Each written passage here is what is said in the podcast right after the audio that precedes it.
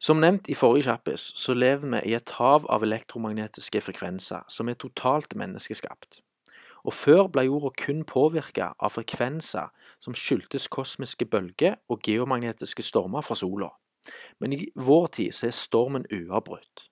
Som et eksempel så har atmosfæreforskere store problemer med å observere naturlige frekvenser i atmosfæren, på bakgrunn av en total overdøvelse av kraftlinjenes lavfrekvente stråling samt mobilnettets høyfrekvente bølge som strekker seg som et spindelvev rundt jorda. Vi som lever oppi alt dette, og klarer oss for så vidt fint uten å se lenger til nesen, har store problemer med å forstå at frekvenser som vi fysisk ikke kan se, høre, føle eller lukte, på noen som helst måte kan ha en innvirkning på oss. Men det er nettopp der vi tar grundig feil.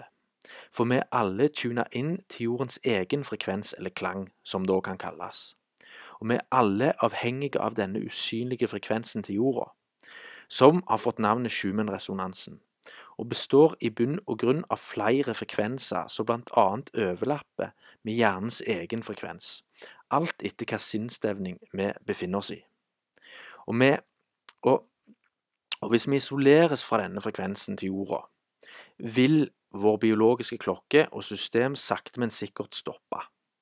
Og Et godt eksempel på dette er romsyke som astronauter kan oppleve dersom fartøyet eller romstasjonen ikke er forsynt med kunstig framstilt elektromagnetisk felt som representerer jordens Schumann-resonans.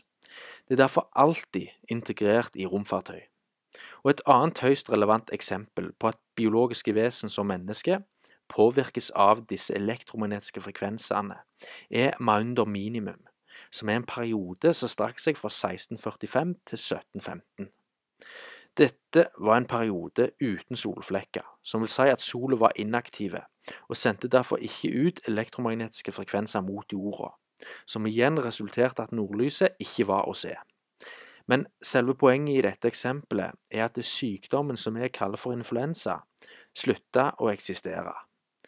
Den var borte i hele perioden, med andre ord en mannsalder.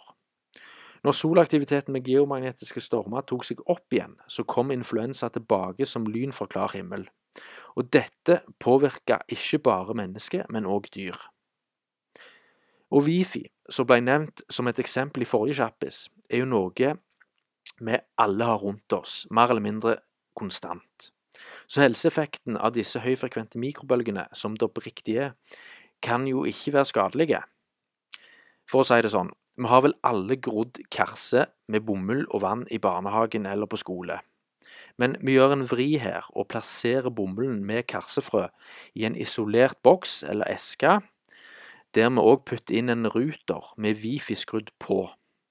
Samtidig så har vi et identisk oppsett ved siden av, bare her så er Wifi skrudd av. Med andre ord, den eneste variabelen eller forskjellen her er Wifi.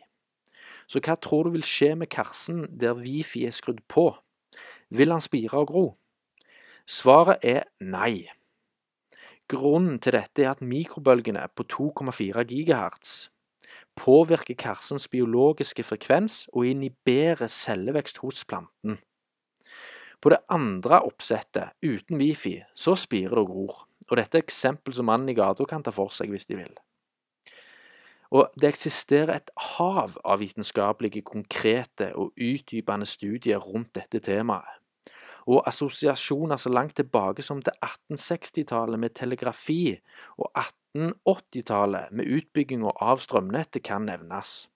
Allikevel, tross all denne dataen og forskninga som er lagt fram, så neglisjeres det fullstendig av myndigheter og styringsorgan.